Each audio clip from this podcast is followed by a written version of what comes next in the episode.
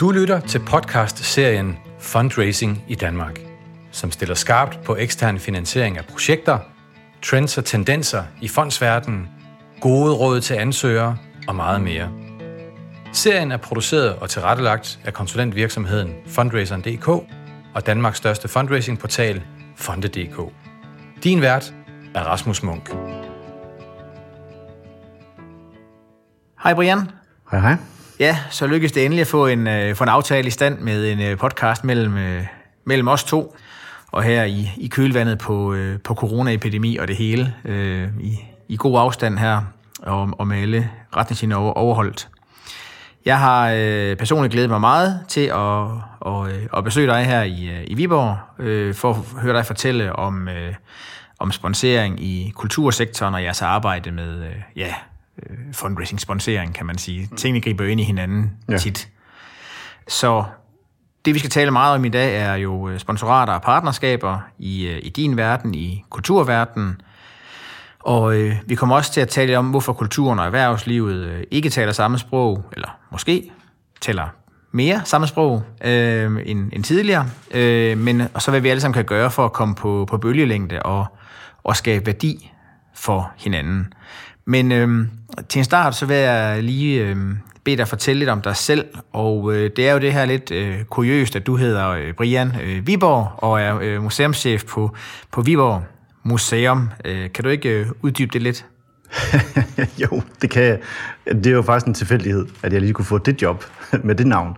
Øh, men, øh, men baggrunden er jo egentlig en, en banal historie øh, om min oldefar, der boede i retningen af Viborg, og derfor blev kaldt Viborg, og søgte som at få navnet, og blev tildelt navnet Viborg øh, med W. Og øh, det er så gået i arv. Det er en utrolig kedelig historie i virkeligheden, men, men i det her tilfælde er det jo sjovt, at det så lander ved, at, at øh, mit job, det er, ja, at der er en direkte sammenhæng til mit navn også, men øh, det, det er meget sket.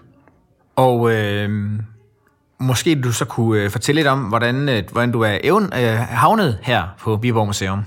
Ja, altså det, jeg har været her i snart seks år som museumschef. Øh, oprindeligt så blev jeg uddannet historiker ved Aarhus Universitet. Det blev jeg færdig med i 2003, og har siden så bevæget mig rundt i museumsverdenen. Øh, først var jeg museumsinspektør på Danmarks Industrimuseum i Horsens, hvor jeg var i syv år øh, og lavede en skrækkelig masse formidling og udstillinger og også nogle enkelte forskningsprojekter.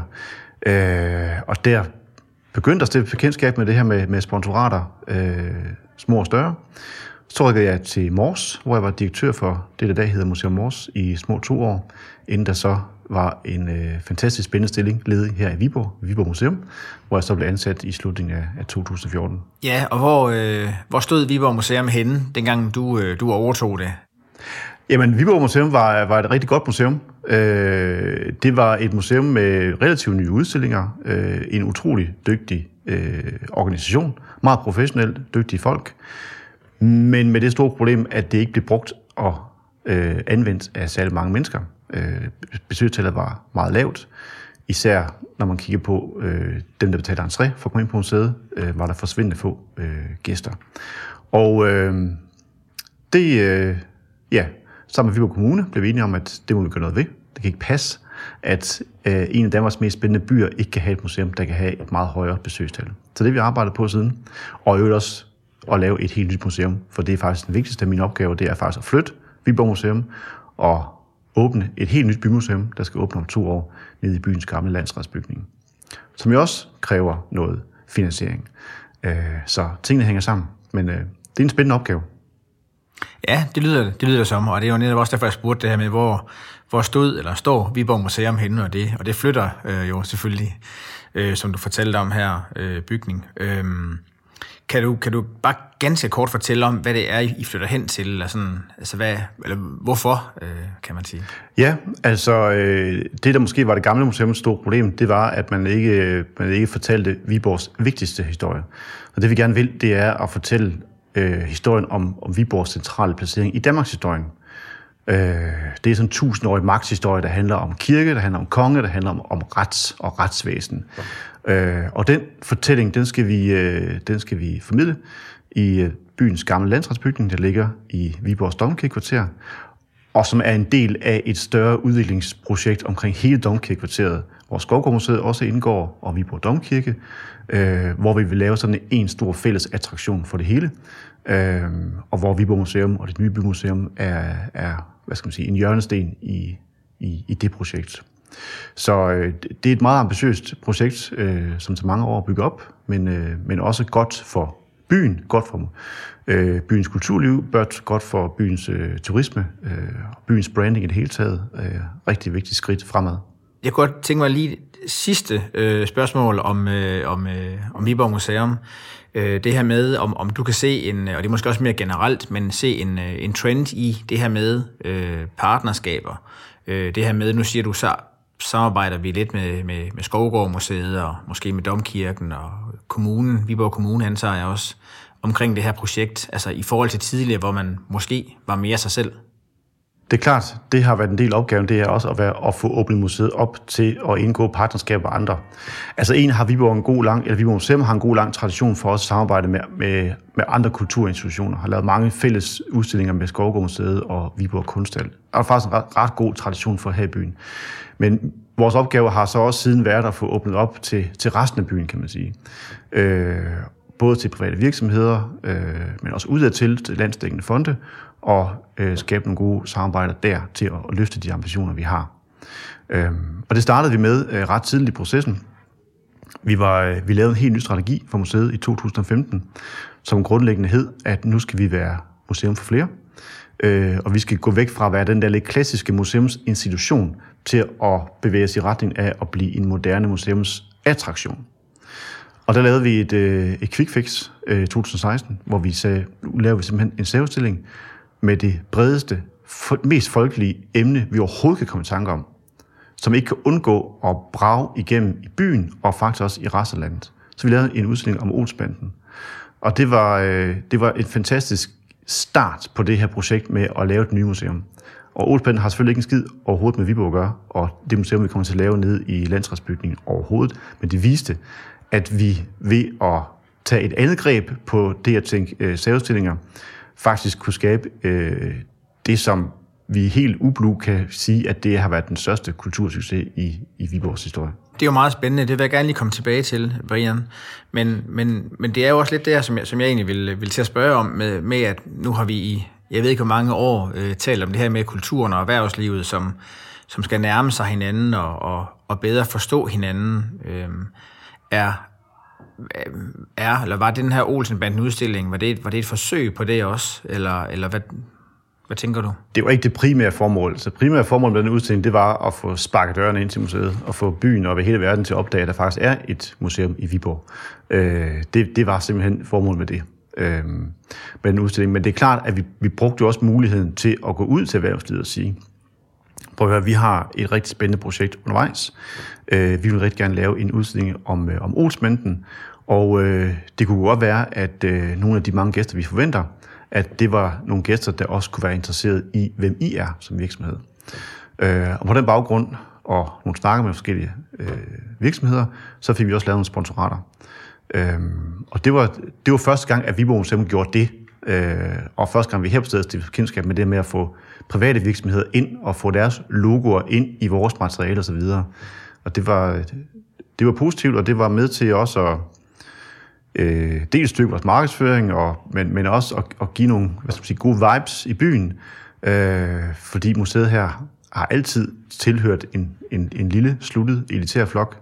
Øh, ikke at der er noget galt med det, men, men ved også at komme i kontakt med erhvervslivet, for, altså fik vi også en platform til at komme bredere ud i, i byen. Og det, det fungerede godt. Men, men hvad sagde virksomhederne så, når det her øh, øh, kulturhistoriske museum, øh, som, som havde få øh, besøgende, som du siger, øh, og som ikke øh, havde for vane at gå ud og, og, og spørge om sponsorater, eller øh, tillader jeg mig at sige, øh, skabe værdi for, for virksomhederne. Hvad blev du så mødt med? Ja, men det, det, jeg var lidt chokeret faktisk, fordi jeg blev mødt med dyb, dyb skepsis. Øh, ikke på grund af Olsbanden og vores idé, som, som, øh, som alle kunne se, at det er jo en fantastisk god idé, men de anede ikke, hvem vi var. Altså, og, og det er alligevel ikke, der nogen faktisk ordret sagde, jamen, jeg vidste ikke, vi havde et museum i byen. De har aldrig hørt om os før. Og vi taler her om, øh, om voksne mænd og kvinder, der, har, øh, der er født og opvokset i byen og har levet hele deres liv her. De anede, de anede faktisk ikke, at der var et museum. Og det var, jeg var, det var sådan noget, det, øh, det blev man lidt chokeret øh, over at finde ud af, fordi man synes jo, at ens museum er det vigtigste i hele verden.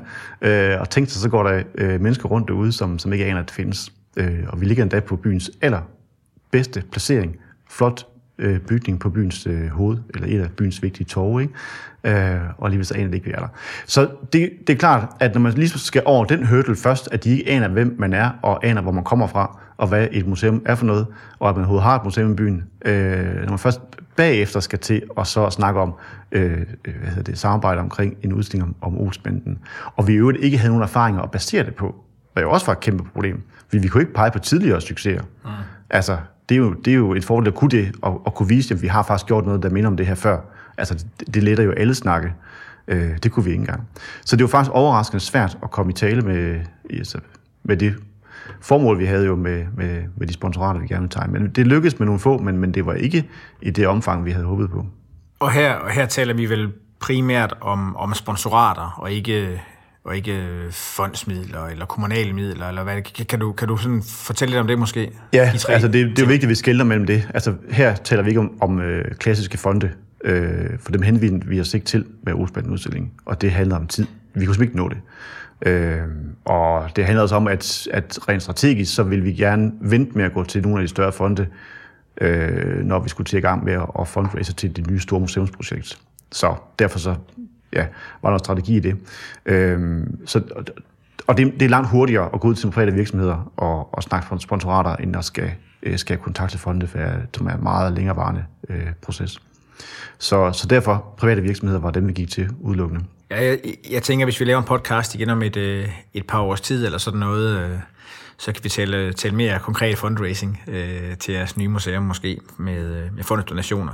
Men det er jo interessant, det du siger her, synes jeg også, at, at vi venter med at søge fondene, både på grund af, af tidsperspektivet, og også fordi vi vil, man kan sige, pas, pas på dem, eller ikke, ikke få en dårlig historie, eller sådan bare søge, kan man sige, men, men I egentlig gør det måske mere oplagte, men måske også sværere. Er, er det sværere med sponsorater? Ja og nej. altså, det, øh, det kommer øh, an på, hvad du mener med svært. Altså, det er sværere på den måde, at hvis du skal søge en fond om midler, så ved du, at når du henvender dig til fonden, så vil de gerne have din henvendelse. De sidder faktisk og venter på, at du ringer øh, og har et spændende projekt, som de eventuelt kan, kan bevilge midler til. Det står faktisk i deres fundats. Det er faktisk derfor, de er her. De store øh, fonde, de er her, fordi de skal dele midler ud til de formål, de nu er sat i verden for. Så det ligger simpelthen i deres DNA, at øh, de venter på nogen ringer og kommer med nogle projekter, og så kan de så dele nogle penge ud. Meget, meget forenklet sagt, fordi sådan er det jo ikke i virkeligheden. Det, men men for, så, så, så, så, sådan er det, ikke? Men en privat virksomhed, de sidder ikke og venter på, at der ringer museumsmand og siger, skal vi lave samarbejde sammen overhovedet? Øh, så de er et helt andet sted. Så det betyder jo, at når man skal at det, der gør, at det er sværere her, det er jo, at man her i langt højere grad skal spille sig over på virksomhedens bane. Altså, fordi når det er en fond, vi taler om, så har vi allerede fra start af nogle fælles interesser. Fordi de vil gerne støtte kultur, hvis de vil det. Så har vi allerede en fælles platform at snakke her. Hvis man ringer til en, øh, en mand, der sælger biler, eller en produktionsvirksomhed, eller et eller andet, så kan det svært lige umiddelbart at se, hvor er fællesmængden her. Og det er det, der er svært i det. Det er jo at finde det der værdifællesskab, man måtte have med en potentiel sponsor først. Øh, og også få overbevist en erhvervsleder om, at vi faktisk har et værdifællesskab, og at vi som museum har et produkt undervejs, som også kan skabe værdi for virksomheden. Det er jo det helt centrale. Men, men det er den svære. Øh, og det, der også er svært i det, det er jo selvfølgelig, at når du henvender til en fond, jamen så ved du, at du får mulighed for at skrive en ansøgning. Du kan lave et meget, meget grundigt materiale. Du har kontakt med en konsulent, som er ansat til at snakke med dig. Øh, der er et sekretariat, der håndterer ansøgninger. Der er, hvis du kommer videre i processen, så er der også en direktør og en bestyrelse, som faktisk, må man forvente, læser din ansøgning igennem og giver dig et kvalificeret svar på et oplyst grundlag. Det gør du altså ikke, hvis du sidder over for en virksomhedsleder. Det kan godt være, at du har et lille handout med til en virksomhedsleder, du har lavet, øh, men der står ikke ret mange linjer på det. Det er mest noget grafik, det er mest for at gøre det lækkert og præsentabelt, det du har med. Men hvor du har flere måneders proces med en fond, fra første kontakt til du får enten et ja eller afslag, så har du i virkeligheden 30 sekunder, når du sidder over for en virksomhedsleder. Ja, og hvis jeg lige må, må øh, holde fast i det, Brian, hvad er så det vigtige? Så siger du, at man har en side med, med nogle øh, vigtige ting, øh, eller nogle billeder, eller, eller hvad? Altså, hvad ifølge, altså med, med din erfaring, hvad har været de vigtigste, øh, hvad hedder sådan noget, bevæggrunde, de vigtigste, vigtigste argumenter for, øh, fra din side, i forhold til, at de skulle tegne sponsorat? Jamen, det handler i høj grad om, at man kan overbevise en virksomhedsleder om, at museet kan skabe værdi for ham. Ja, øh, hvordan? Jamen, det kan være, det, man skal finde der fælles mængde. Altså, i, i, ofte så vil det jo være, fordi at vi har nogle gæster på museet, som han eller hun kunne være interesseret i at blive synliggjort overfor. Øh, hvis jeg for eksempel kan gå til en virksomhed og sige, jamen, øh, vi skal lave en biludstilling, Øh, og vores gæster til den bibliotek forventer vi, at det er sådan, øh, det er folk, der godt kan lide kultur, det er folk, der er sådan lidt, altså det er middelklasse, måske også lidt øvre middelklasse, øh, som er glade for, for, øh, ja, for, for gode biler. Øh, det kunne de være. Øh, det er ikke sikkert, at de går på stadions, det ved man ikke. Det kan godt være, at deres kulturliv er så mere over i, i, i vores ende. Men dem sætter en, øh, en bilforhandler jo også biler til. Så det kan være, at han havde en interesse i, eller hun, til at blive synliggjort over for det her kundesegment, som jeg kan præsentere. Jeg kan sige, okay, vi har en forventning om, at vi får 30.000 mennesker ind ad døren her om lidt. Øh, de har alle sammen en bil holdende derhjemme, øh, og de kan godt lide øh, biler, der er sådan lidt i en god ende, måske. Ikke? Og så kontakter jeg jo selvfølgelig den bilforhandler, som har nogle produkter, der minder om min målgruppes øh, præferencer. Ikke? Mm. Og så er det jo der, vi skal snakke sammen om, om vi der har en eller anden form for fælles interesse, der gør, at, at vi skal lave et partnerskab omkring en udstilling, for eksempel. Ja. Altså, at jeg har noget, der kan give ham værdi. Og det er jo ikke mit museum eller sådan, det er de gæster, jeg har. Det er dem, der kan give værdi for hans eller hendes virksomhed. Okay, men det tror jeg er en ret vigtig pointe, det her med, at, at man ligesom tager udgangspunkt i, øh, i, i de gæster, I har, og de oplevelser, som, øh, som I kan skabe for og, og med dem, frem for at fokusere på det her med, vi er det her Viborg Museum, øh, har de her de værdier, øh, vi vil gerne have jeres sponsorat. Okay, men hvad får vi ud af det? Øh, så det, det kan jeg sagtens følge dig i, Brian.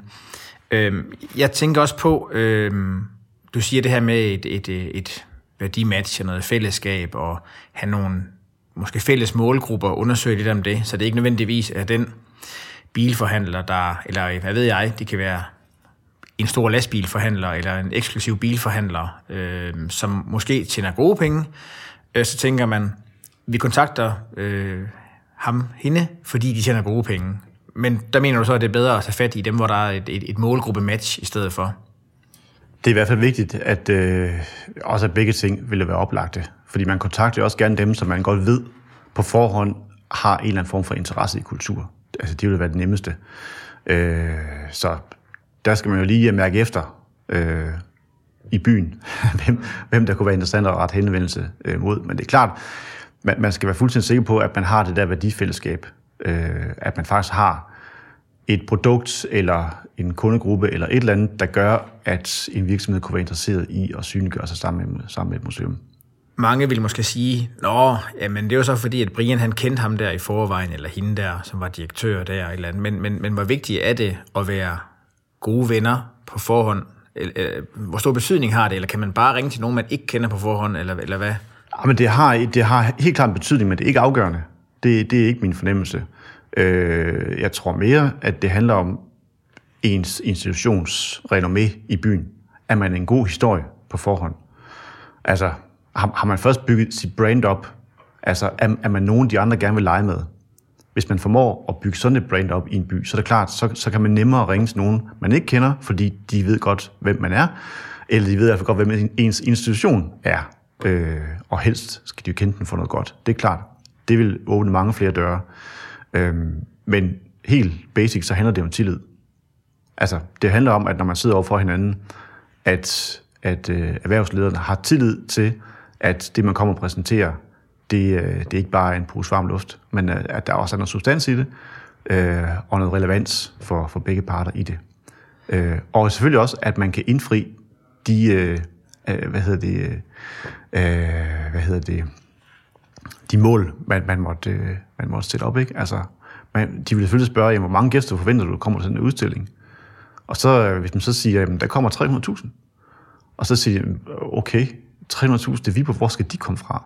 Nå, nej, men det ikke, altså, man skal ikke oversælge sig selv på den måde. Man skal være meget realistisk. Så må man sige, okay, vi havde øh, en udstilling for et par år siden, den skaffede så mange gæster her. Øh, vi tror, den her kan det her, fordi her har vi lidt bredere målgruppe, eller vi har lidt flere penge til markedsføring, hvad vi er, et eller andet. Det skal være underbygget og savligt, det man kommer med. Det er meget bedre, end man oversælger det, og så brænder nallerne bagefter, fordi så er det svært at komme igen bagefter. Så tillid, det er, det, det er utroligt vigtigt. Ja, og måske også et, et punkt, som vi ikke har talt så meget om, men, øh, men øh, altså kommunikation, PR, presse, øh, omtale er vel også vigtigt, når man skal bevise sit, sit værd og sin case. Det er klart. Altså, øh, men som kulturinstitution har man altid et brand, man bygger op. Øh, man er altid kendt for et eller andet i en by. Ja, det var vi så ikke. det, men det er selvfølgelig også et slags brand, at man ikke har noget. det, og det er så et problem. Men, men det er klart, at det går, det, det går jo altid forvejen. Altså, ens rygte løber altid foran, forvejen, inden man kontakter en virksomhed. Så må det være. Øh, og så er det klart, at hvis man, hvis man allerede har en relation, som du var inde på før, så er det, og er en positiv relation, så skal man selvfølgelig bygge videre på den. Øh, og her i byen, hvis jeg skal ud og finde nye øh, sponsorater til et nyt projekt, så er det klart, at så vil jeg da overveje dem, jeg har haft kontakter til før. Øh, men selvfølgelig også sprede mit netværk ud, fordi det nytter ikke bare at gå til the usual suspects hver gang. Øh, fordi der kunne sagtens være andre muligheder derude. Man skal bare passe på, at man ikke kommer til at, at træde over tæerne. Hvad mener du med, med det? Ja, man kunne for eksempel komme til at, at øh, kontakte en, øh, en, en potentiel sponsor, som var en konkurrent til en sponsor, man havde sidste gang. Øh, og hvis man ikke lige fik clearet med den første sponsor, som man måske havde en ret god og tæt relation til, og en eller anden usagt forventning om, at næste gang vil vi også gerne lege med dig, Brian. Øh, hvis vi ikke lige er opmærksom på det, men går ud og laver sponsorat med en, øh, en konkurrent sted for, så er der lige pludselig en gammel sponsor, øh, sponsor der kan føle sig øh, overset og trådt over tæerne. Øh, så der er noget med, man, der er noget netværk, der, der, der skal plejes hele tiden, og der er en kommunikation, der også skal være ret strategisk i, i det. Øh, så det kræver lidt planlægning, og det kræver lidt øh, fingerspidsgefylde i, i processen. Ja, så er jeg nødt til lige at springe til et punkt, der hedder øh, noget så kedeligt som organisering og struktur, og øh, er det dig selv, du har udnævnt til sponsorchef og sponsorkoordinator og kommunikationskonsulent, og, eller, eller hvordan ser rollefordelingen ud med, med det her, og, og, og har I en, en erhvervsklub, og, eller hvordan har I styr på sponsorerne og sådan noget? Jeg tænker, det, det, Ja. kan godt tage noget tid. Ja, men det er vi slet ikke mål med endnu. Så det, der, der rammer du lige ind i noget, der er undervejs, kan man sige. Øh, men det, det, vi har gjort indtil videre, det, der har det været sådan lidt øh, indianeragtigt, hvor jeg har øh, sat mig op på hesten og reddet ud, og for at slagte nogle af de hvide derude. Øh, men øh, så på den måde har jeg egentlig haft alle kasketterne på. Og selvfølgelig øh, bygger man jo noget op undervejs. Altså, man skal have et ordentligt materiale, man skal have man skal have skrevet sit materiale på forhånd, man skal have en ordentlig grafik på, man skal have, man skal have en plan for sit, for sit projekt, inden man går ud og ringer til en, eller ja, tager kontakt til en sponsor. Det, det, det skal man, man, man skal vide, hvad det er, man er med at gøre. Øh, så man ikke kontakter en potentiel sponsor for tidligt i processen. Øh, det er jo ret vigtigt. Og hvad er for tidligt? Ja, men det er, hvis ikke du kan svare på øh, ret detaljerede ting omkring, hvad udstillingen kommer til at handle om. Øh, hvor skal den være? Hvor mange gæster forventer du? Øh, hvad ved jeg? Det kan være alle mulige ting. Øh, der, man, man skal kunne øh, lave sådan en marketering af sit øh, projekt, hvor du kan lave den der elevatortale på 30 sekunder. Din pitch, ikke? Altså, det, det skal du kunne. Og det skal være den samme, du laver ved den første erhvervsleder, du er ved, og som den sidste. Hvorfor det? Jamen, der skal være sådan en kontinuitet i det. Det er nødt til at være. Og det, det er for at underbygge din egen troværdighed. Det nytter ikke noget, at man går ud og, og sælger et produkt, og så går der fem måneder, så er det pludselig et helt andet produkt, som den sidste sponsor kommer på og, og støtter. Det må ikke flytte sig. Så det er ligesom, når man laver en tv-serie. Du skal have din karakter på plads fra starten af. Fedt, der var lige et øh, godt råd om, øh, om tv-serier her også. Jeg kunne godt tænke mig lige, og øh, nu kender jeg jo lidt til jer, øh, Brian, øh, men, men måske hvis du kunne fortælle lidt om, øh, altså, jeg synes i hvert fald, det har været, været spændende at følge øh, sige, jeres første øh, udstillingscase med, øh, med Olsenbanden, og også, øh, nu, nu nævner jeg bare sådan lige øh, øh årets, øh, årets bil, øh, som, som, som kunne noget andet, Øh, og, så, øh, og så ved jeg, at I er, ved at, I er ved at lave noget nu her, også i, øh, i sommermånederne her i, øh, i Viborg øh, by. Men jeg ved ikke, om du måske kunne det ved jeg ikke, øh, fortælle om dem kronologisk, eller, eller, eller måske i forhold til finansiering, eller hvad der ligesom, altså, og jeg, jeg kunne godt tænke mig at vide, var det, var det meget nemmere at komme og søge midler til øh, for eksempel årets biludstillingen efter jeres relativt store succes med, med Olsenbanden, eller jeg ved godt, det er et langt spørgsmål, men... Ja. Jamen, øh, vi kan starte med det sidste. Altså, det, det, øh, det var klart nemmere anden gang. Øh, ikke at det er let, men det, det, er, det er jo en kæmpe fordel i en dialog med en erhvervsleder, at man kan sige, jamen, øh, for to år siden, der gjorde vi det her, og det havde den her, øh, det havde den her succes. Øh, det skaber selvfølgelig øh, lydhørhed hos en erhvervsleder. Det er der ingen tvivl om. Men, øh, men det betyder ikke, at det er nemt på den måde. Man, man skal igen øh, op på ølkassen og sælge sit, sit nye projekt en gang til. Fordi det er en, en virksomhedsleder hiver ikke bare lige penge op på lommen og smider efter en, øh, bare efter for godt befindende. Der, der skal noget substans i det, man kommer med. Så, men det er klart, at når man for hver gang man laver en succes, hvis man gør det, jamen så træder man jo også et skridt længere op øh, af en stige. Ikke? Så det gør tingene lettere. Og hvad var det første spørgsmål? Nå, jamen, jamen, jeg tænker bare på, øh, ja, det kan vi lige spole tilbage og så øh, tage igen, men, men øh, det var egentlig bare, om du, om du måske bare ganske kort vil fortælle, øh, hvad de her tre udstillinger, I har kørt, var. Altså en ganske kort, hvad Olsenbanden og Årets Bil og jeres, øh, ja. jeres kongemor nu her. Ja, Altså det her med, med sponsorater er jo egentlig noget, jeg startede med på Industrimuseet i Horsens, hvor, hvor jeg fik de første både gode og bestemt også dårlige erfaringer med, hvordan man griber sådan noget herinde.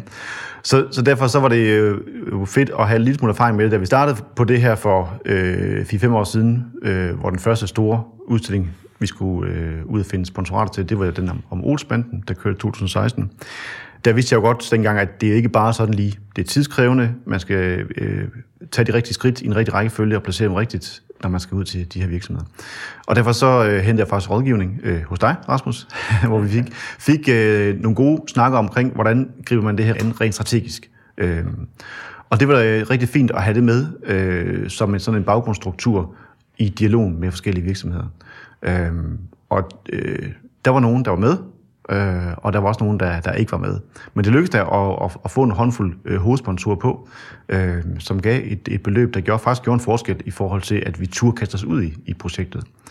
Øh, og så anden gang, der var det lige pludselig et helt andet og større projekt, hvor vi lavede en udstilling i 2018, som var et partnerskab med Forstadsmuseet i øh, Hvidovre, København, øh, hvor vi lavede en udstilling om, om årets bil. Øh, det var et meget større projekt. Det var, øh, det var øh, ultra ambitiøst. Vi ville simpelthen samle de 50 biler, der er blevet kåret som årets bil siden 1969, i sådan en stor jubilæumsudstilling for, for det her øh, begreb, fænomen årets bil, kåring årets bil. Øh, og så skulle vi finde bygning til det, og vi skulle have øh, renoveret bygningen både her og i København øh, til det, øh, og vi skulle finde bilerne og producere en udstilling på professionel niveau i en eller anden lagerhal, vi skulle finde og ombygge og alt det der. Det var et stort og dyrt projekt, og det var klart, at det kunne vi ikke gøre uden at have, have nogle startpenge. Øh, det turde vi ikke. Så øh, der var vi lidt, lidt grundigere i vores øh, materiale, øh, inden vi kontaktede private virksomheder. Øh, sådan at de, de fik en decideret projektbeskrivelse med noget om vores tanker omkring, hvad er det her for en udstilling, hvorfor vil vi gerne gøre det, hvorfor er det vigtigt, øh, og vores forventninger til udstillingskvalitet, indhold, øh, besøgstal øh, osv. Og selvfølgelig med noget lækker grafik også, så, så øh, man kan se, at det her det bliver fedt. Altså. Øhm, og selvfølgelig også med nogle udsagn om, at det her, det er der ikke nogen, der har gjort før. Altså, det er altså fuldstændig unikt i museumsverdenen, at to museer på den måde går sammen i partnerskab og laver en udstilling i en bygning, de ikke nu helt ved, hvor er henne. Øh, men nok er en lagerhal i udkanten af byen et eller andet sted, som skal bygges om og efter alle regulativer, og der i øvrigt skal øh, produceres en professionel udstilling med, med det rigtige lys og det rigtige øh, filmanimation og, og hele beduljen, ikke? Hvorfor lige Forstadsmuseet, øh, og ikke også øh, Odense eller Aalborg eller Esbjerg, eller hvad ved jeg? Ja, men det er et godt spørgsmål, og det, det handler faktisk om, at, øh, at når man skal gøre sådan noget her, så skal man, øh, så skal man kunne rykke hurtigt, man skal være utrolig fleksibel. Og derfor tænker jeg, at det, det er en fordel at arbejde sammen med et museum, hvor jeg ved, at der er kort vej fra tanke til handling. Øh, så der kunne være nogle andre museer, hvor jeg tænkte, ah, det, det bliver for tung struktur, skal til at arbejde sammen med. Fordi det her, det er så kompleks en udstilling, skal lave, øh, med så mange ubekendte faktorer undervejs. Altså bare tænk på, at vi havde ikke nogen bil, det er ikke vores egen biler. Vi skulle ud og finde 50 biler, vi ikke vidste, om de var der. vel? Altså, det er bare det, ikke? Øh, og nogle bygninger, vi ikke vidste på forhånd, var der. Altså, så på den måde, der, der kræver den samarbejdspartner, som, øh, som hvad skal man sige, øh, var rimelig omstillingsparat, men jo også en, øh, som havde en organisation, der kunne noget, vi ikke kunne. Det var også en del af det jo. Det er så lidt en anden snak, men det handler også om partnerskaber. Altså når man laver sådan en, en strategisk alliance, eller det her var jo egentlig en joint venture, ikke? Altså hvor man i partnerskab med en, i det her tilfælde, et museum, gør det med dem, fordi de kan noget, vi ikke kan. Og de havde nogen i deres organisation, der kunne arbejde med teknik og lys osv. De havde en, der var rigtig god til salg, øh, hvad hedder det, til, øh, til at opbygge butik og merchandise og alt det der, øh, og så videre. Altså, der havde de nogle kompetencer, som vi ikke havde i vores organisation, og vi kunne noget, som de ikke kunne. Så det var, det var virkelig det var et skoleeksempel på, hvordan man kan lave sådan en joint venture, øh, som man skal se mellem to kulturinstitutioner. Øh, så, så, så derfor dem. Øh, men så gik vi i gang, og så skulle vi jo, fik vi det her øh, gode materiale øh, lavet, så vi var ret øh, spidse på, hvad vi ville med den her udstilling. Og så tog jeg fat i at kontakte nogle, øh, nogle, nogle større virksomheder her i, øh, i Viborg, øh, og bad om en kaffemøde, og, og tog ud og snakke med forskellige folk. Og, øh, og nu spurgte du før, det der med, om det er let. det, det sjove var faktisk, at de første to var helt vildt lette. Altså på den måde, at øh, man selvfølgelig skal gøre sit arbejde ordentligt på forhånd, men, men det tog kun et kvarter. Altså, man sætter sig ind, øh, man snakker lidt frem og tilbage, med en virksomhedsleder, og så øh, kvarter 20 minutter efter, så gik vi herfra med et, øh, altså et flot beløb i, i lommen, ikke? Øh, altså faktisk et rigtig flot beløb. det, det, var, det, var, det var mega fedt, og jeg var jo, jeg var, jeg, jeg var jo høj, da jeg kørte hjem fra de to møder, for jeg tænkte, okay, hvis jeg kan bruge et kvarter her, det, så kan jeg hurtigt tælle op, hvor mange steder jeg kan hente øh, gode, sexy for beløb med hjem til, til museet. Men så stopper det også lidt der, for det, det er fordi, der er jo grænser for, hvor mange hovedsponsorer du kan have på et, et projekt. Altså, fordi de skal jo have den synlighed, de nu skal have. Øh, og du kan kun plukke en fra hver branche. Det, der må ikke være konkurrenter mellem, for eksempel. Så der er også grænser for mange, du kan. Ikke? Men, men, men øh, det, var, det var faktisk relativt, øh, det gik faktisk relativt godt med at overbevise om, at det her, det, øh, det er et mega fedt projekt. Øh, og, og så selvfølgelig har jeg jo udpeget nogen, som jeg vidste havde passion for biler på forhånd. Altså, det er jo klart. Det er jo der, det der værdifællesskab, det skulle være på plads. Altså, det var at finde ud af, hvem i byen enten beskæftiger sig med biler, altså enten bilindustrien, produktion, underleverandør til bilindustrien, hvad vi har en del af her i byen, eller forhandler biler. Det er det, det, det oplagte. Og, og har vi nogle andre erhvervsledere, som vi godt ved øh, har en, en passion for biler. Så det er klart, det er jo blandt dem i den gruppe der, jeg henvendte mig. Og det, øh, men det er klart, det, det nu siger, at det var let at gik hurtigt, men, men det er det jo ikke, for der er også en del, der sagde nej, faktisk, som ikke ville være med. Men som synes, det var et mega fedt projekt. Altså, og som også kom med deres, med deres virksomheder og personale og så udstillingen, fordi de synes, det var fedt. Men de kan så have deres overvejelser bag, hvorfor de ikke var med. Det kan være, at de, fordi, at de ikke havde den tillid, som jeg forsøgte at bygge op. At de ikke troede på projektet. Eller det kan være, at de har en helt anden strategi med deres øh, sponsering, at de kunne sponsere sport, for eksempel, hvad ved jeg. Sådan noget kan man også løbe ind i. Ja, fordi der, der er jo også flere virksomheder, der, der for eksempel bruger sådan nogle, nogle HR-penge til nogle, altså nogle personale arrangementer eller sådan noget. Ikke? Men, men du talte, eller taler primært med, med øh, altså det, er det ejerledere, virksomhedsledere, er det marketingdirektører, eller hvem, hvem, hvem, hvem taler du med egentlig, når det er? Vi kredser meget om de her virksomhedsledere eller direktører. Ja, det kommer meget an på, hvor tilgængelig øh, virksomheden er, vil jeg sige, og hvor stor den er. Øh, og man kender lidt til den til forhånd, og man har en relation på forhånd. Så, men det er faktisk helt vildt svært, det der. Hvem skal man egentlig henvende sig til, og på hvilket niveau? Øh, går man til toppen? Det, det kan være svært, øh, fordi at få en kaffeaftale med en topleder, øh, altså, hvornår skal man finde det hul i kalenderen? Og det er ikke sikkert, at vedkommende har helt interesse i det heller. Altså, det, øh, og det kan jo sagtens være, at det er smartere at henvende sig til en kommunikationschef eller en markedsføringschef, øh, fordi det er der, hvad skal man sige, beslutningen egentlig bliver taget. Men, men øh, det, øh, det, bliver, det bliver altid lidt et lucky punch, synes jeg, øh, jeg har erfaret, om, om man skal ind den ene eller anden vej.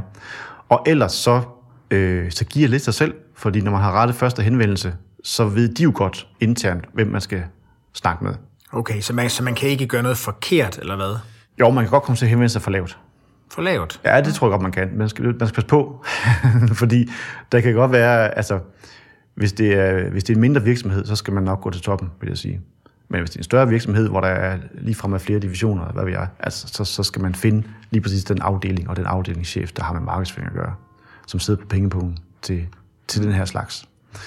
Øhm, men man skal heller ikke, hvis man bare får blank nej derfra, så skal man også, øh, altså, man kan også godt overveje, om man, man så skal gå en anden vej ind i virksomheden i stedet for. Hvis man nu ved, at der sidder en topdirektør, der bare elsker biler, og man fik et nej fra markedsføringschefen, hmm, kan det virkelig passe, ikke? Men man skal heller ikke brænde sin bro, selvfølgelig. Hvad tænker du, Brian? Nu er du sådan en, øh, en ret øh, jovial og, og behagelig og kompetent øh, person. du skulle bare vide. men, men er du også sælger, og skal man være sælger for at tage de her møder? Fordi man kunne måske godt have en bevisning om, at jeg er ikke så god til at sælge. Jeg er meget faglig stærk, men jeg er ikke så god til at sælge. Så kan jeg jo ikke tage et møde med den her virksomhedsleder, eller en markedsføringschef, eller... Ja, det er faktisk... Øh, altså, selvfølgelig skal man være sælger. Altså, og det, det, som, som øh, institutionsleder eller kulturinstitutionsleder, der skal du være en sælger i alle henseender. Det er jo ikke kun, når du sidder sammen med øh, en privat virksomhedsleder. Det er også, når du står over for en fond, eller står over for politikere. Og det, også når du står over for dit eget personale, skal du også være en sælger. Fordi du skal skabe medejerskab til det projekt, som, som du har gang i. Altså, det kræver også salgsteknik helt basalt. Og så, så selvfølgelig skal man kunne være en sælger. Men det jeg tror jeg er aller, aller vigtigst i forhold til sponsorater fra private virksomheder. Altså det handler højere om, om at også kunne være en kameleon i det her. Okay, hvordan? Jamen det er jo fordi, når du er, når du er museumschef for eksempel, så ved man jo godt, at det man arbejder for, det, det har formålet med mit museum, det er at skabe dannelse og skabe oplysning. Almen dannelse og oplysning. Det er sådan at arbejde for demokrati og sådan noget. Så det er sådan de du ved, ikke? Men hvis du sidder derovre fra en virksomhedsleder og siger, prøv at høre, mit museum, det arbejder for at skabe dannelse og oplysning, men så får du ikke en krone, vel? Fordi så er jeg på hjemmebane. Så jeg har talt om, hvad er formålet med, med min virksomhed øh, på museet. Det er det, der er en af mit højere formål. Der skal man jo kunne skifte om til at kunne tale ens museum ind i den verden, som virksomhedslederen sidder i. Og der skal man virkelig, men nogle gange så kan man næsten føle, at man gør vold på sig selv. men, men det er man nødt til at kunne. Fordi man skal kunne tale flere sprog ind i det her. Så man er også nødt til, når man er i de sammenhænge, at kunne i talsætte ens museum eller kulturinstitution som værende det sted, hvor man skaber vækst, man skaber turisme, øh, man skaber øh, bosætning i kommunen, man øh, er med til brande ens by, alt det der. Altså, så får museet lige pludselig sådan en, en, en instrumentel funktion, hvor man pl- pludselig bliver øh, et gode for andre sektorer. Ikke? Og det er der noget dybt problematisk i, hvis man kun har sit museum på det grundlag. Men når man er i den verden, så er det det, man skal spille på. Fordi det, det er den forståelse, der er af kulturinstitutioner i erhvervslivet. Typisk, ikke? Så, så øh, derfor, man skal være en sælger, man skal kunne være en kameleon, så man hele tiden skal kunne sælge sit museum ind i nye sammenhænge. Hvis ikke du kan det, øh, så får du utroligt svært ved at, at samarbejde med, med andre brancher. Altså helt basisk set, du, du, du kan se på dig selv, Øh, hvordan, hvordan, øh, hvad er min adfærd, når jeg er til en reception, hvor der er en, øh, en kendt erhvervsleder i byen, der fylder 60 år? Hvordan fungerer jeg der? Altså, står jeg over i hjørnet som en øh, dinosaur, øh, som ikke aner, hvad man gør, og hvordan man skal snakke med folk? Eller minkler man rundt og blinder man ind, og, og kan man komme i snak med folk, og kan man øh, tale i de rigtige koder og forstå, øh, hvad der bliver sagt til en? Øh, den der small talk der, der er, øh, den, den, den skal man jo også kunne formå. Så det er klart, at øh, jeg tror, den, der formår det, har langt større chancer for at få succes med private sponsorater, end, end øh, dinosaurerne står over i hjørnet, øh, og som kun har det ene flag højst, hejst, der hedder, øh, mit museum, det øh, virker for øh, højere oplysning og dannelse. Hvad der er rigtigt, men det er også noget andet, og det skal man også kunne, kunne tale ind i. Jeg tror, du har helt ret, øh, og det er egentlig ligegyldigt, om det er, om det er sponsorater, eller det er snakke med, med, med kommunen, hvor, hvor nogen får større eller mindre øh, tilskud fra. Øh, også i forhold til fondene. Øh, det her med at kunne, kunne tale ind til, hvad der betyder noget for dem. Og så er der selvfølgelig forskellige parametre, der gør sig, der gør sig gældende. Øh, ja, det giver rigtig god mening. Særligt det her med at finde noget, noget fælles og tale om, hvordan man kan skabe værdi for hinanden. Hvad har sådan overrasket dig mest i, i, øh, i dit arbejde med, med, øh, med sponsering og partnerskaber her de sidste, sidste håndfulde år? At der er flere ting, vil jeg sige. Vi var inde på det før, men, men, men det her med, når man laver en fondsansøgning, så har du god tid. Altså, du har flere måneder til at få, øh, til, til dialog og til, til øh, udarbejdelse af fondsmateriale osv. osv. Men når du sidder foran en virksomhedsleder, så har du bare, du har 30 sekunder, maks, Altså, måske har du kun to, og det er de første to. Ikke? Det, det er der, at, at ens øh, bånd bliver knyttet, eller, eller ikke gør. Det er simpelthen, hvor overbevisende du er. Altså, kan du skabe tillid? Kan du tage dit projekt op? Kan du få overbevist om, at, at vi har værdifællesskab her, og vi kan, vi kan gøre noget sammen her? Altså, det skal du kunne gøre på 30 sekunder. Og det, det er det, der overrasker mig mest nok, det er jo det der med, hvor, hvor kort tid man reelt har. Altså, at det er bare en helt anden måde at skulle rejse penge på, end at, end at fundraise. Det, det, det er to helt forskellige håndværk i virkeligheden. Ja. Hvis du skulle nævne, hvad der har været det, øh, og om der er nogle oplagt meget svære ting, eller nogle, nogle, nogle, måske nogle fodfejl, som, som nogen, eller kunne lære noget af, øh, ikke at begå. Øh, som, om der er nogle fodfejl, øh, du har begået, som, som du vil give videre øh, til andre med, det skal de ikke gøre. Øh, har du nogle, nogle, nogle do's and don'ts, som det hedder på nudansk? Øh, ja, det, det tror jeg faktisk. Øh, ja, fordi det kan måske godt lyde som om, at jeg har vældig succes med det her, og har haft det, men jeg har også vældig store fiaskoer bag mig. Det ser man bare ikke, fordi det er jo ikke dem, der hænger på væggen bagefter. så det er jo kun trofæerne, ikke? Men jeg vil sige, øh, altså, jeg vil sige, for det første, så, altså, dus, det er jo rigtig, rigtig vigtigt, at man kender sit eget værd. Altså, og det betyder flere ting. Det betyder, at man skal vide, hvem man gerne vil se sammen med. Man går ikke bare ud til en tilfældig virksomhed, man tror vil give nogle penge, uden at man lige er sikker på, om det faktisk er en virksomhed, man gerne vil se sammen med. Altså, fordi det, det, det, der kommer til at ske, det er jo, at det virksomheds logo kommer til at hænge på din væg hjemme i dit museum. Altså, og vil jeg gerne se sammen med dem. Øh, det skal man lige være sikker på, at, at vi også der har et værdifællesskab. Hvis man nu for eksempel er et, et museum, der har en, en skarp profil på øh, sundhed, eller er et medicinsk museum for eksempel, så er det ikke sikkert, at det er helt vildt fedt, at man så har McDonald's hængende på væggen, altså som sponsor. Ikke noget ondt om McDonald's, men det kan godt være, at nogen vil synes, at der var et værdi crash der. Ikke? Øh, så det der med at kende sin eget værd, men jo også i forhold til, hvad man er værd i kroner og øre, det skal man jo vide, inden man sætter sig foran en virksomhedsleder. Fordi hvad er, hvad er det her sponsorat værd? At man ikke, ikke kommer til at oversælge sig selv, og man heller ikke kommer til at hvad skal man sige, undersælge sig selv for billigt. Ikke? Men hvordan finder man ud af, hvad man er værd? Jeg, jeg har gjort det, at øh, jeg har selvfølgelig kigget på øh, tidligere sponsorater. Hvor, hvor plejer man at kan lande noget? Altså, nogle gange så tager man sponsorater på 2.500 kroner, 5.000 kroner. Det er jo ikke ret mange penge, men det, det, det, det er jo... Øh, og nogle gange så er man på 15 eller 25.000. Øh, og nogle gange så er man over 100.000 og måske på 200.000. Altså, det, der skal man jo... Man skal, det skal man værdisætte efter ens udstillingsniveau. Altså, hvad er, hvad er mit eget ambitionsniveau? Er det her en nøgleudstilling, som, som vi ved, at her på museet, den vil vi kunne huske i 10 år, og byen vil kunne huske den i 10 år? Ja, okay. Jamen, så er det også en udstilling, vi, vi mener er meget værd, faktisk. Så, så her er vi oppe i nogle højere beløb. Hvis det bare er en ud af de fire udstillinger, vi kommer til at lave i år, som ikke er noget, øh, nogen speciel prioritet, jamen, øh, og heller ikke kommer at spille mange gæster til, jamen, så er vi nede og lave en, jo, selvfølgelig.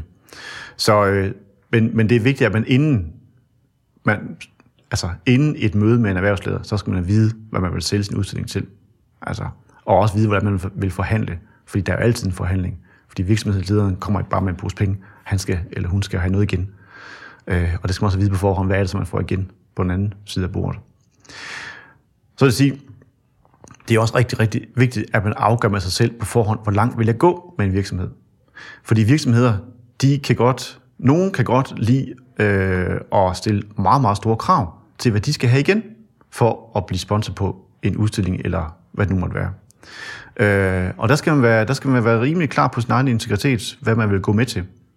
Øh, jeg har for eksempel haft en, en øh, potentiel sponsor, som rigtig gerne vil sponsere en, en, øh, en af vores udstillinger. Øh, det var da jeg var på Industrimuseet i Horsens. Der var en virksomhed, som gerne ville smide en pæn bunke penge faktisk. Men så vil de have deres egen sektion inde i udstillingen, hvor de selv kommer med deres egne roll-ups, øh, med, med tekster og billeder osv. om deres egen virksomhed. Og der var jeg nødt til at sige, at det kan vi ikke. Fordi øh, vi vil gerne samarbejde med jer, men når man træder ind i et udstillingsrum, så skal det være i går sådan rent. Altså, det må aldrig være sådan, at en museumsgæst ikke kan finde ud af, om man er i en udstilling, eller om man er i et showroom. Altså en virksomhedsshowroom. Øh, der skal være helt klare skæld imellem det der. For ellers så undergraver man sin egen troværdighed, hvis ikke man ved, at der er klare skillelinjer mellem en virksomhed og et museum. Altså, museumsgæst må aldrig nogensinde få en fornemmelse af, at virksomheden har haft indflydelse på den formidling, man modtager. Det er jo helt centralt i forhold til vores egen troværdighed. Så det skal man bare være klar på, inden man møder en virksomhed. Hvor langt vil jeg gå i det her? Vil jeg sælge virksomhedens produkt ud i vores museumsbutik, eller vil jeg ikke? Hvis de nu havde et eller andet, man kunne sælge. Så tænker jeg på, hvad, hvad indeholder et, et godt sponsorat, set med dine øjne? Altså man kan sige, det, det er jo øh, en konkretisering af den værdi, du kan skabe for en virksomhed. Øh, så hvis du siger til en virksomhedsleder, jamen øh, med det her produkt, der kan vi skabe synlighed for jer, så vil han eller hun sige, øh, hvad slags synlighed er det? Øh, helt konkret vil de gerne have svar på, hvordan bliver vi synlige sammen med jer? Så skal man vide på forhånd, hvor er det så, at man kan synliggøre. Og det er jo typisk sådan noget som logoer. Hvor, hvor kan logoet hænge? Hvilken størrelse kan det have? Øh, er der et logo på billetten? Er der et logo på annoncen? Er der et logo på øh, indgangsdøren? Er der et logo inde i udstillingsteksterne øh, nederst? Øh, det kunne det godt være for en hovedsponsor, for eksempel. Øh, er der logoer på... Øh, på de udstillede genstande, det er nok ikke. Men, altså, men, men, men hvor går grænsen for det? Der er noget synlighed der. Øh, der er også noget med, hvor bliver man nævnt? Bliver man nævnt i presmeddelelse? Bliver man nævnt på hjemmeside? Bliver man nævnt? Så, videre. så det, det er det klassiske. Så er der selvfølgelig noget med fribilletter. De vil gerne have nogle billetter, som de kan dele ud til deres familie, venner og øh, ansatte og kunder osv. Øh, kunder er det jo så nok oftest faktisk det, de gerne vil. Øh, fordi de ikke må give til deres ansatte. Men man kan lave en tur for dem, for eksempel. Men så får de et antal billetter, og så skal man selvfølgelig være klar over, hvor mange billetter er det så lige, man, man får solgt i sit sponsorat. Fordi hvis nu er sponsorat til bare 10.000 kroner, så er det ikke sikkert, at vedkommende skal have øh, 500 billetter, fordi så er det godt nok øh, nogle billige billetter, vedkommende får. Ikke? Øh, der skal man lige øh, finde ud af og tage sin, øh, sin lommeregner frem, hvor mange billetter øh, kan det her bære. Øh, og, og heller ikke for mange heller, fordi det skal også stadig være noget eksklusivt. Øh, sponsor må ikke få en fornemmelse af, at, at det her det er bare noget, alle har let adgang til. Det, der, der skal være en vis eksklusivitet over produktet her. Så det, det, det er hellere færre end, end, end mange billetter, vil jeg sige. Øhm, og så skal man selvfølgelig sørge for, at øh, virksomheden får et rigtig godt arrangement, og det er måske det allervigtigste, fordi at virksomhedslederen øh, vil, vil ofte gerne bruge sådan et sponsorat her til at øh, skabe noget, øh, et anderledes arrangement for sin, øh, for sin ansatte og sin ansattes øh, familier, eller for nogle kunder, for eksempel, og kundernes familier. Øh, og der har vi haft mange, rigtig mange arrangementer, hvor vi, øh, hvis det er store sponsorater, så er der noget med noget mad, og der er noget med noget øh, rundvisninger og snak bag kulisserne og alt sådan noget. Øh, til at det bare er, hvis det er mindre sponsorat, så er det bare en rundvisning for en enkelt gruppe eller sådan. Det kan laves på mange niveauer, ikke? Men, men det der, lidt eksklusivt, lidt ind bagved, og lidt at få noget anderledes at vide, at det er museumsdirektøren selv, der, der, der kommer og er med og deltager, er jo ekstremt vigtigt faktisk. Altså, folk vil gerne se giraffen, ikke? Øh, sådan er det bare. Øh, så det, sådan noget der, det er jo dybest set det, som et sponsorat klassisk består af. Øh, så kan der være andre ting, man, man går ind og laver aftaler om, og det, det kan noget omkring markedsføring. Øh, at man får adgang til deres markedsføringskanaler, for eksempel. Hvad de også kan have fordel af hvis en virksomhed gerne vil ses sammen med en, en udstillingssucces, så kan det være, at de gerne vil på deres Facebook øh, eller andre øh, sociale medier øh, fremvise, at de er øh, stolt hovedsponsor til den her udstilling, for eksempel. Og det gør så, at de får værdi af at blive associeret med en udstillingssucces i byen, men at vi som museum får mulighed for at blive synliggjort over for en kæmpe målgruppe, vi måske ellers har adgang til, fordi den her virksomhed måske har måske 70.000 følgere på Facebook, et eller andet, som måske endda øh, kunne ske at ligge inde i kernemålgruppen af dem, vi gerne vil have til at komme og se udstillingen. Så det er også noget af det, der, der, der skal indgå i sponsorat, det er, hvordan kan man i fællesskab lave noget markedsføring på en udstilling. Ja, rigtig gode pointe er også det her med, med sociale medier og, og, og skabe øh, lidt larm øh, omkring øh, udstilling eller events eller øh, det her sponsorat, skråstrej partnerskab. Kan man, øh, eller hvad er bedst? Er det bedst at, at give for meget med i pakken, og så måske de ikke får brugt det hele, eller er det bedre at give for lidt med øh, i pakken, og så være sikker på, at de får det brugt, og måske kan, kan tilkøbe noget ekstra, eller Altså som udgangspunkt er det nok altid smart at have lidt for lidt med. Øh, fordi et sponsorat er altid en forhandlingssituation. Øh, og som øh, museum er man jo selvfølgelig interesseret i, at man får mest muligt ud af sit sponsorat. Så, så for mig er det også en forhandlingssituation. Jeg vil gerne have, at de får så lidt som muligt. Det, det kan lyde kynisk, men, men, men det er jo sådan, det er. Altså, øh, jo bedre sponsorat jeg kan lave, jo bedre er det jo for, for mit museum. Øh, som udgangspunkt i sådan en forhandling er jo selvfølgelig, at man, man tilbyder måske lige lidt for lidt. Øh, selvfølgelig varieret, eller afvejet efter, hvor, om man kan mærke, at interessen er der. Altså, hvor, hvor stærk en krog har jeg egentlig i, i ham eller hende, der sidder over for mig. Og så, øh, så lander man jo et eller andet, men man skal også passe på, at man ikke kommer til at, at gøre det skævt, fordi øh, den hovedsponsor, der man så skal snakke med bagefter, skal jo have nogenlunde det samme for sit. Og der kan man sige, der et, et vigtig ting i det, det er jo sådan noget som naturalier. Øh, det kan jo være, at den sponsor, man gerne vil øh, have ind, har noget, man kan bruge til noget, som ikke er i kroner og øre, men som er naturalier. Øh, det kan for eksempel så, da vi lavede Årets Bil, der havde en af vores hovedsponsorer øh, ejet den bygning, vi skulle lave udstillingen i. Øh, så det er klart, at øh, en del af forhandlingen der går jo så på, at vi selvfølgelig gerne vil have gratis husleje. Øh, hvad vi så fik. Og, og det så var en, en del af, af, hvad hedder det, af sponsoratet. Og det er klart, at inden sådan en forhandling, så er jeg nødt til at være, være klar på, hvad er huslejen egentlig for en, øh, en meget, meget stor lagerhal på 1500 kvadratmeter i en by som Viborg. Hvad koster det egentlig at lege den i 6 måneder? Øhm, og så har man, når man finder ud af det, så har man sådan nogenlunde idé om, hvad man så kan gå ind og, og forhandle med i sådan en situation. Øh, og der synes jeg godt, at jeg i forhold til et hovedsponsorat kunne, kunne smide det på bordet og sige, i det her, jamen en del af det er jo så, jamen så drømmer vi om, at vi ikke skal betale husleje. Og så var der selvfølgelig også nogle andre ting i det, fordi det, det gjorde det ikke alene. Øh, men men øh, for den her virksomheds vedkommende, der var det faktisk øh, øh, stort set et naturligt sponsorat, fordi de gav os adgang til andre ting. Øh, de havde nogle hænder, der kunne hjælpe os med forskellige ting. Øh, mandskab, øh, biler, vogne, hvad vi er. Øh, så på den måde handler det ikke kun om kroner og øre, men der kan også være andre ting i det.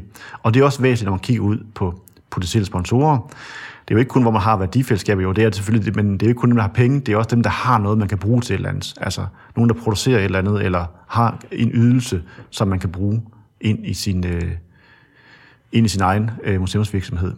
De er jo også rigtig, rigtig gode at have tæt på til, til sponsorater. Spændende. Jamen, øh, det er i hvert fald noget af, noget af opskriften på et, øh, på et godt sponsorat. Det er selvfølgelig svært lige at definere det 100%. Det skal jo altid være i den, i den enkelte case selvfølgelig. Øh, og som vi talte om tidligere også, det her med værdi, øh, værdisætningen. Hvad skal det koste, øh, det her sponsorat? Der er selvfølgelig forskellige priser, om man er i København eller Aarhus eller Viborg eller, eller andre steder rundt omkring i landet, hvad, hvad sådan noget det kan koste. Øh, men som du nævnte tidligere, så det her med tage noget benchmark på det, og, og øh, måske også på forhånd gøre sådan nogle tanker om, hvad er det værd, hvor meget skal vi have ind.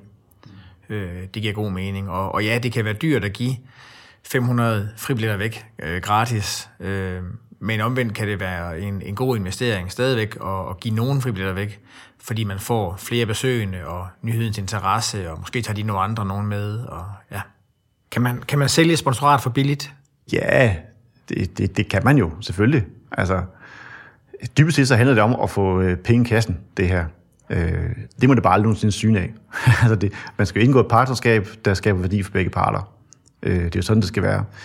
Man, man kan godt komme til at sælge det for billigt, hvis, man, øh, hvis ikke man er bevidst om ens egen status i byen som institution, ens brand, øh, og hvilken værdi, at virksomheden reelt får ud af det her.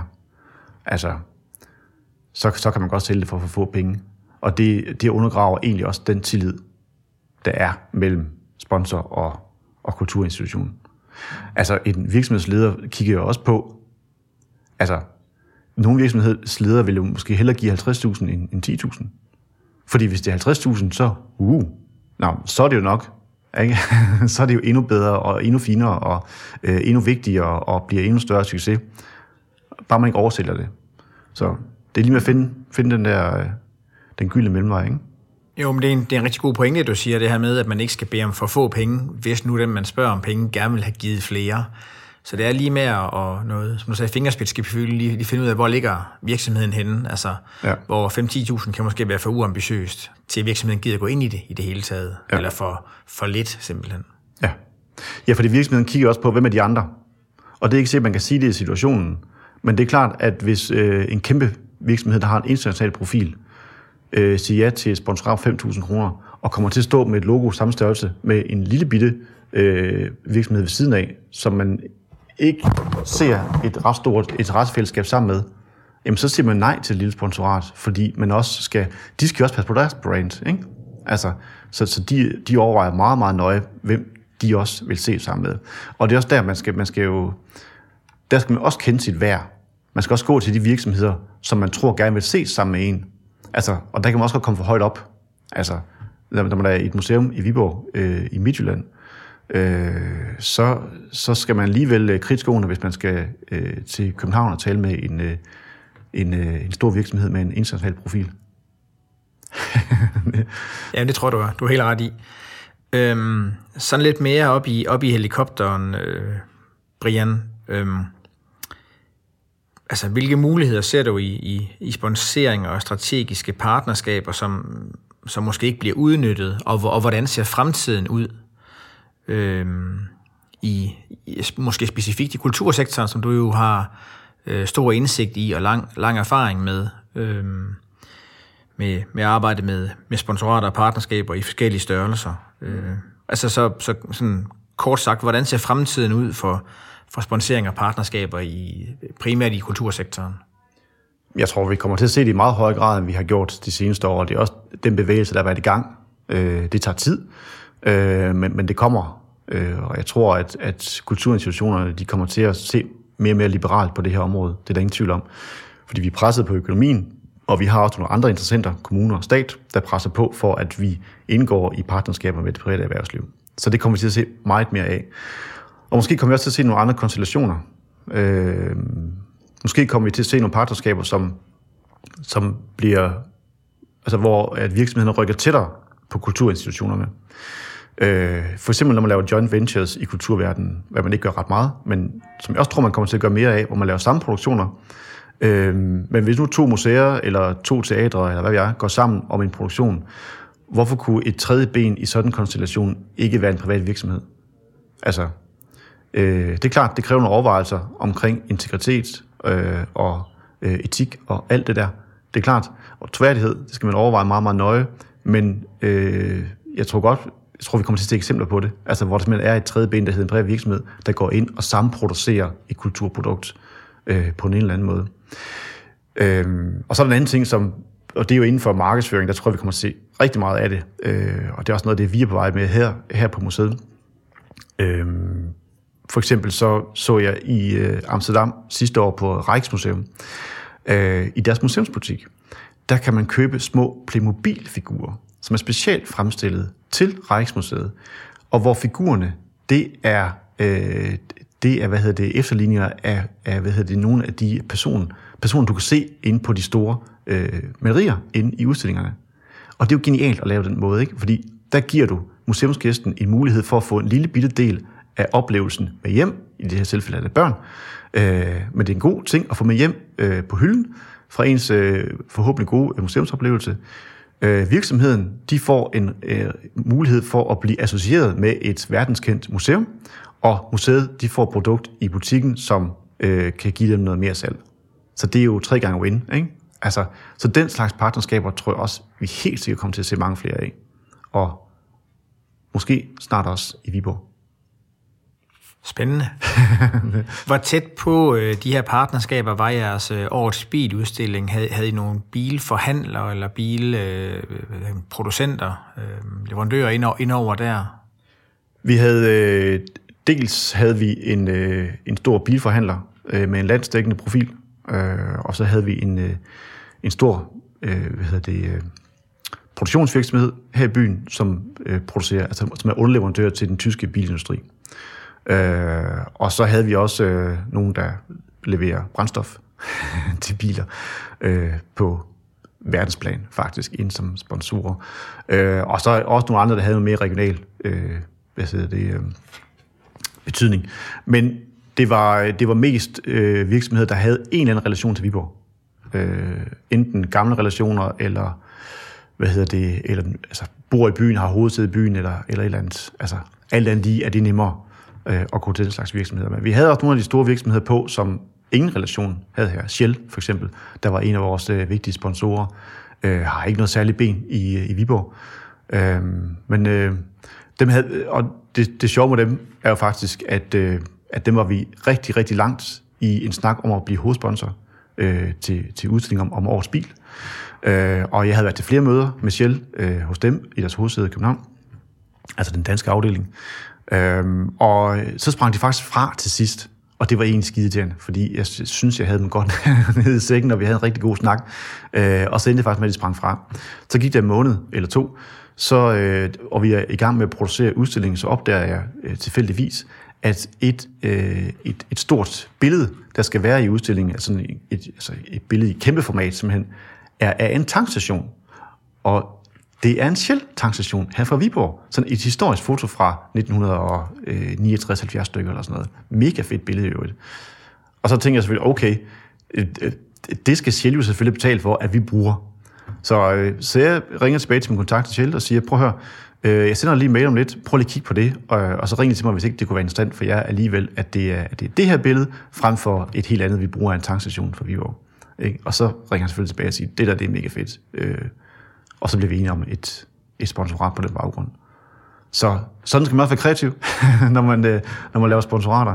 Også en fed historie, Brian, fordi det, det er noget, man kan sige tilfældigt, der opstår, men man også, at, at du griber muligheden, for du kan jo bare, du kan jo godt have sagt, det er et meget fedt billede, det var ærgerligt, at de ikke ville være med, men nu, nu hiver vi det op, fordi det er jo et fint billede. Mm. Men, men alligevel så skaber værdi for, for jer begge to, ikke? Altså. Ja, og jeg går også derfra med min integritet i behold, fordi jeg ved, at det ikke påvirkede udstillingens indhold, at det var lige præcis det billede. Det var faktisk en tilfældighed, at det var Shell. Altså, men, men øh, et ret fedt tilfælde faktisk. Som, ja. Og det gav så penge i kassen, og det gav også en sponsor, øh, og gav også faktisk rigtig fed markedsføring, fordi de brugte jo udstillingen til at og også altså ud på deres markedsføringskanaler.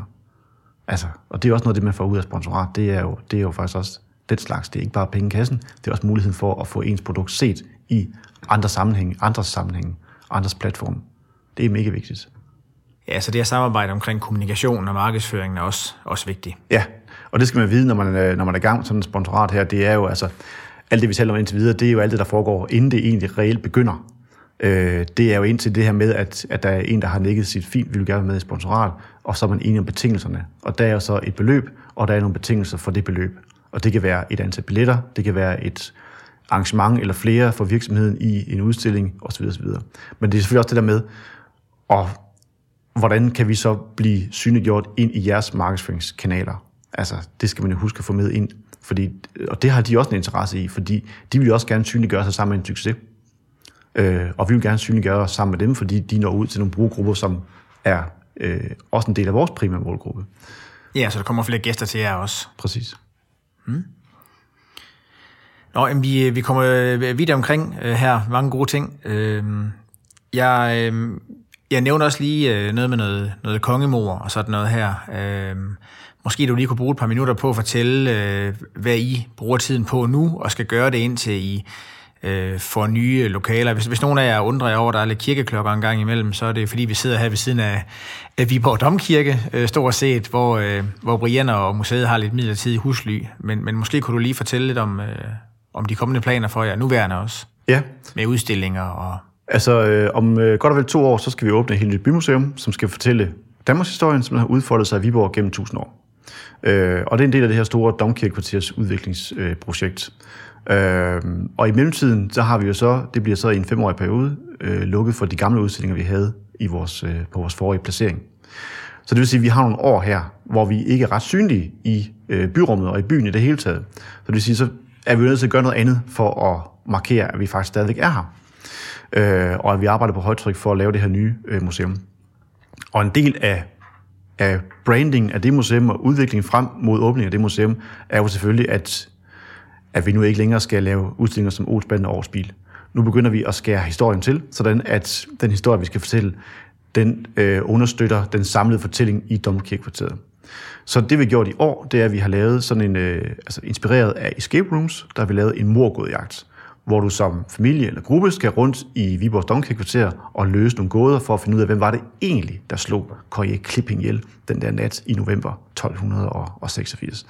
Øh, og det er et mega fedt produkt, produkt som har været... Øh, altså, i al beskedenhed, så kan jeg bare sige, at det har været en mega succes i over sommeren her, og det var sjovt. Øh, men, men formålet er jo selvfølgelig både at skabe et øh, produkt, som folk synes er fedt og sjovt at være med i, men jo også at bygge op til, at når det nye museum åbner om to, to og et halvt år, jamen så er det et museum, hvor at, at, øh, at oplevelse, det står som et, et, et kerneord i det, du kommer til øh, at møde der. Ja, det, det er super godt, du siger det på den her måde også, fordi jeg vil jo netop øh, stille det spørgsmål, som vi ikke har aftalt noget om, men Viborg øh, Museums øh, vision og værdier og fokusområder og tusind års historie og, og, øh, og magt og, og, og altså rigtig mange essentielle dele i Danmarks historien. Og det er ikke fordi, jeg siger, at Olsenbanden ikke er essentiel i Danmarks historien, men må man godt lave sådan noget, der ligger så langt væk fra det, man, det, man gør, øh, som, som, som kerne, kerneydelse. Der er jo mange, der vil sige, at vi har en strategi, og vi har en vision, og det skal leve op til det, og øh, det, det er det, vi gør. Jeg kan godt se, hvor I bevæger jer hen imod nu, øh, selvfølgelig. Men, men hvad tænker du om det? Jamen, øh, jeg synes, øh, altså for os har det været en, altså der var, var en kæmpe, kæmpe gave til Viborg Museum, fordi øh, det, det, gav så meget, øh, det gav så meget godt for os. Altså, og, og kan man det som museum? Øh, ja, så hvorfor ikke? Altså, hvorfor skulle man begrænse sig? Jeg ved godt, at vi har et geografisk ansvarsområde, men, øh, men, men det er også, der ligger også nogle gamle konventioner i museumsverdenen om, at der er noget, man kan, og noget, man ikke kan. Og, og det føler vi os ikke sådan helt vildt bundet af på Viborg Museum, vil jeg sige. Øh, og, og, og gå ud og spørge på gaden, om de synes, det var en god eller dårlig idé, vi lavede en udstilling om Olsbanden. Altså, der er jo ikke nogen her i byen, der ikke godt ved, den var der, eller, eller har været inde og se den. Altså, det, det var... Øh, så dem, vi er museum for, altså de mennesker, der går rundt herude i hele landet, øh, sådan set, jamen, de, de har jo ikke de der gamle konventioner om, hvad man kan og hvad man ikke kan som museum. Det er de jo ikke underlagt af. Og, og det er jo det er noget, noget, der bliver et meget fint pejlemærke for mig, at når man er museum, ja, så, så kan man godt bryde de der øh, rammer, som, som man tidligere har haft i museumsverdenen. Så det, det, det føler mig ikke bundet af på den måde.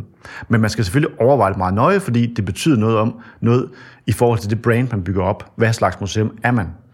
Og det er klart, at hvis vi nu øh, et år før vi skulle åbne det nye museum, som handler om Danmarks Historie Viborg, der lavede noget om Olsbanden eller Årsbil, så vil det forkludre tingene.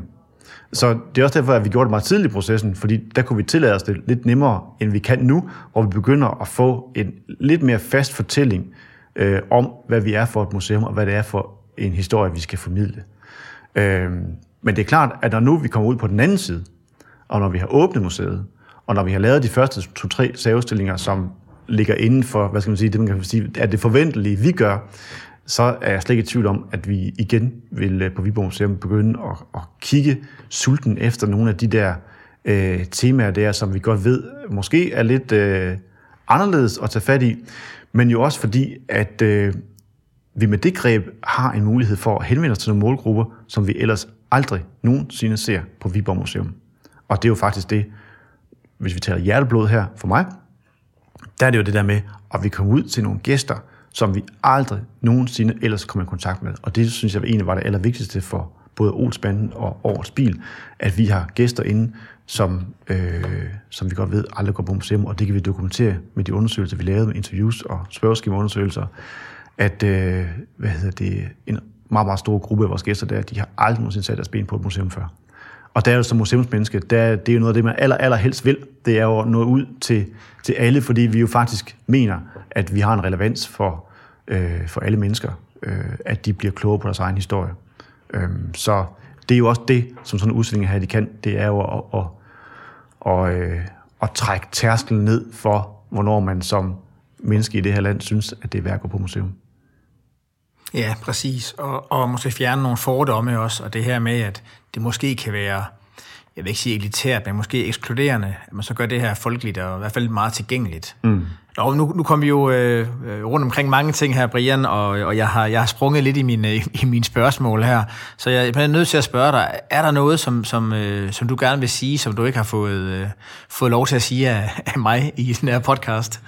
Nej, jeg vil bare sige, at jeg synes, man skal springe ud i det. Altså, øh, man, man skal selvfølgelig gøre sit forarbejde ordentligt, og, og sådan, man, med de ting, vi nu har talt om, men, men øh, jeg synes ikke, det er så farligt, egentlig. Øh, jeg ved, jeg har kolleger rundt omkring på museerne, som, som har svært ved at komme i gang med det her, fordi det er så lidt øh, ja, en ny verden, man skal træde ud i, og, og sådan, og, og man er, mange har det er tryggest ved at, at færdes i, i de kredse, de er vant til, i kulturkredse, hvor der måske ikke øh, og måske har så mange berøringsflader til, til det private erhvervsliv. Men, øh, men, men det er bare at kaste sig ud i det. Øh, det værste, der kan ske, det er jo, at de siger pænt nej tak, og så lærer man noget om det, og så må man videre til, til næste virksomhed. Så øh, det er bare at give en yes. Super. Hvis du lige skulle opsummere sådan to-tre øh, øh råd her til sidst til måske dine kolleger i branchen eller kultursektoren. Øh, hvad er sådan de to-tre bedste råd? Øh, var noget med noget sælger, noget, og noget kameleon og noget ting og sager. Men hvis du så sådan lige skulle highlight nogle ord til sidst her, du alligevel... Og jeg siger, det med kameleonen, det, det er utrolig vigtigt. Man, man skal kunne tale sit øh, museums hvad hedder det, betydning ind i en række forskellige sammenhænge. Både klassisk museum, øh, hvor man er til for øh, oplysning og dannelse, men også for øh, andre formål, som man godt ved har gehør i, i andre sektorer. Det skal man kunne gøre. Øhm, det andet er jo også, at man, man skal jo kunne begå sig. Øh, og der er ikke noget i vejen for, at man træner sin pitch hjemmefra.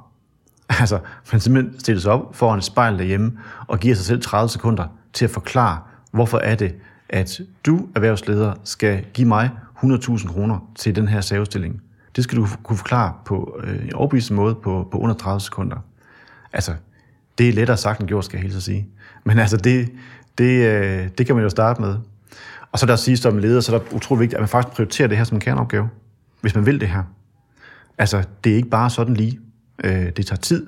Øh, det, det, det, er, det er håndværk, det er et fag, det er noget, der kræver, øh, kræver en vis øh, professionalitet.